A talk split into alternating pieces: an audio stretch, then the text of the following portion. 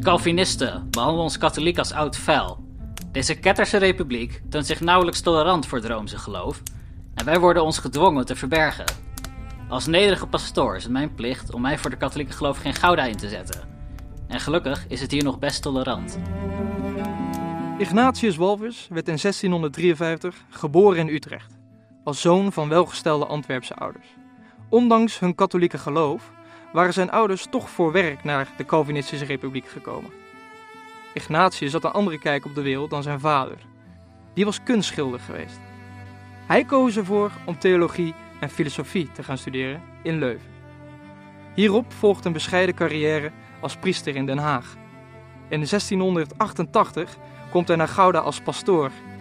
En het vrijzinnige klimaat van Gouda spreekt hem aan. De rest van zijn leven zal hij in de stad blijven wonen.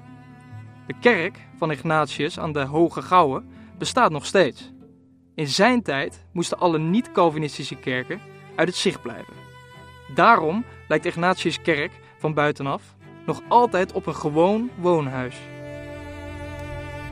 En wat zullen ze opkijken wanneer het duidelijk wordt dat een katholieke pastoor de eerste stadsgeschiedenis van Gouda heeft geschreven? Ook al is het slechts mijn wens om het verleden van deze stad te bewaren. Toch vrees ik de reactie van het Calvinistische gezag. Maar het belang van dit werk is te groot om te laten liggen.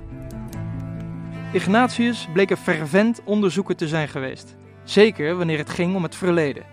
Waardoor hij het meest bekend is geworden als de auteur van de beschrijving der stad Gouda. Het oudste geschiedwerk over de stad. Ignatius was zich bewust van het belang van het bewaren van de geschiedenis. En geen geloof zou hem hierbij kunnen stoppen. Hij had een list bedacht. Hij droeg het kloekenwerk op aan de Goudse Stadsraad, waardoor de Calvinistische kerk het niet zomaar weg kon moffelen.